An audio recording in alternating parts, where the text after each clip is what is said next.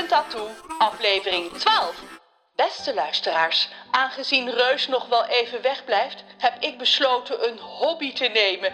Iets wat me bezighoudt en afleidt, zodat ik niet steeds aan hem hoef te denken. Rode pantoffels breien valt dus af, want daardoor moet ik juist aan hem denken. Alleen kan ik niks leuks verzinnen. Tips zijn dus van harte welkom. Iets als garnalen pellen of vissen met een hengel. Hij komt eraan, gilt Ron, terwijl hij door de deur van de villa rent.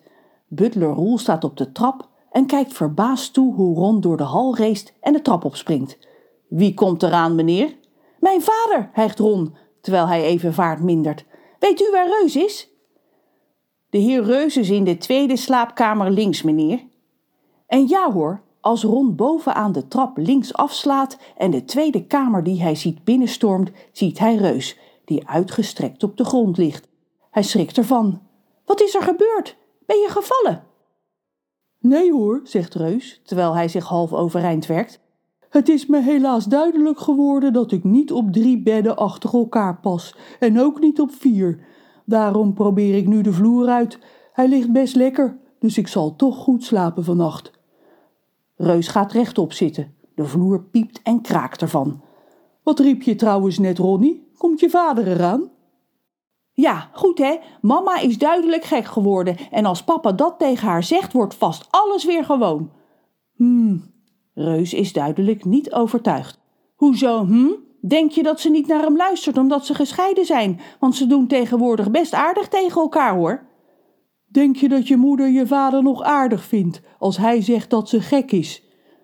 Nou ja, misschien moet hij niet dat zeggen, maar iets anders. Dat ze in de war is of zo. Ik ben bang dat ze dat ook niet wil horen, jongen. Onverantwoordelijk dan? Ook niet. Wat dan, Reus? Weet jij het beter soms?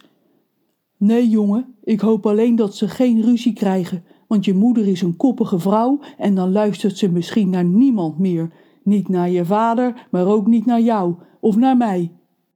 Ron moet weer denken aan vroeger, aan toen zijn ouders nog bij elkaar waren en ze s'avonds op fluistertoon ruzie met elkaar maakten. Ze dachten vast dat hij er niks van merkte, dat hij niets vermoedend lag te slapen, terwijl zijn knuffels op zijn kussen de wacht hielden. Wisten zij veel dat hun gefluister zijn dromen liet barsten, zodat hij klaar wakker door de muur woorden hoorde die hij niet kon verstaan, maar waarvan hij wist dat ze alleen werden uitgesproken door mensen die elkaar niet aardig vonden. Maar nu is alles anders. Sinds de zogenaamde ontvoering door Reus kunnen ze veel beter met elkaar opschieten. Zou het dan toch kunnen dat zijn vader en moeder weer ruzie gaan maken? Wat zou hij dan moeten doen? Maak je niet druk, jongen, onderbreekt Reus zijn gedachten. Je vader zal misschien het juiste zeggen, of misschien ook niet. Niemand weet wat er gaat gebeuren, dus het heeft geen zin om je daar zorgen over te maken. Bovendien hoef jij hun problemen niet op te lossen, hè? Ron knikt, terwijl hij over de woorden van Reus nadenkt. Je zal wel gelijk hebben. Bedankt dat je meeluisterde met mijn gedachten. Dat helpt. Kraai fladdert krassend de kamer binnen. Ik wil mijn dosis kraaienkracht, nu! Waar is Henk? Die ligt volgens mij nog in het zwembad, zegt Ron, blij dat hij dankzij Kraai niet meer aan zijn ruzie in de ouders hoeft te denken. Nou, niet lang meer. Ik wil dat hij naar boven komt en mij tussen mijn ogen pikt. Wacht even, Kraai. Laten we eerst. Reus kan zijn zin niet afmaken, want Kraai begint uit alle macht op het raam te tikken. Ron, doe het raam open. Ik zie hem. Ron doet wat hem gevraagd wordt en zodra het raam op een kier staat, steekt Kraai zijn kop naar buiten. Henk, Henk, heilige kakka, hiero!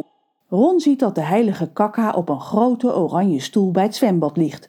Roel zit op zijn knieën naast hem en smeert zijn vleugels in met zonnebrandcrème. De vogel kijkt op en zegt iets tegen Roel, die vervolgens zijn hand als een toeter aan zijn mond zet. Meneer vraagt wat u van hem wenst.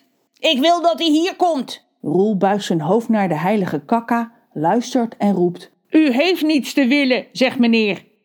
Ik heb niets te willen, ik heb niets te willen. Zeg maar tegen die stomkop dat hij naar mij moet luisteren, want ik ben de oudste. Meneer zegt dat u, eh, de butler aarzelt. De heilige kakka verliest zijn geduld, krabbelt overeind en steekt een vleugel dreigend in de richting van Kraai. Meneer zegt, en dat ben ik dus, dat je zelf een stomkop bent, ook al ben je de oudste. Je bent nog stommer dan een stomkop. Kraai kukelt van woede bijna het raam uit. Wat zeg je? Jij bent stommer dan een stomkop. Jij bent de stommerste stomkop. De stommerste, stommerste, stommerste. Niet eens, krijst de heilige kakka. Je bent zelf de stommerste, stommerste, stommerste, stommerste, stommerste, stommerste, stommerste, stommerste, stommerste, stommerste, stommerste, stommerste, stommerste, stommerste, stommerste. Je bent de stommerste. Je bent de stommerste. Je bent de stommerste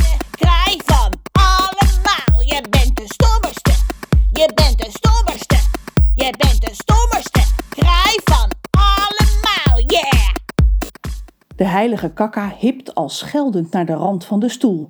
Ik kom eraan, schattenbout. Ik kom je een dreun verkopen. Een enorme dreun.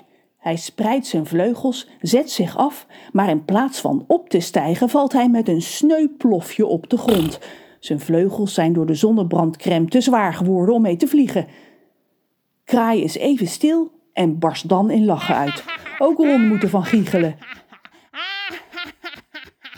Wat gebeurt er allemaal? vraagt reus, die zijn stokbenen niet aan heeft en zich daarom op zijn stompen naar het raam sleept. Die stomkop kan niet meer vliegen, hikt Kraai. Ook Rons moeder komt op het kabaal af. Ze kijkt met een geërgerde blik richting het raam waarachter behalve Ron en Kraai nu ook Reus te zien is. Roel raapt de heilige kakka van de grond en legt hem voorzichtig op zijn stoel. Auw, auw, auw, kreunt de kraai. Wat afschuwelijk. Ik word uitgelachen terwijl ik pijn lijd. Auw, auw, auw. Rons moeder buigt zich voorover en fluistert iets in zijn oor. De heilige kakka stopt met kermen, worstelt zich met zijn vette vleugels overeind en roept... Genoeg gelachen. Rons moeder heeft een fantastisch idee. We gaan een filmpje opnemen.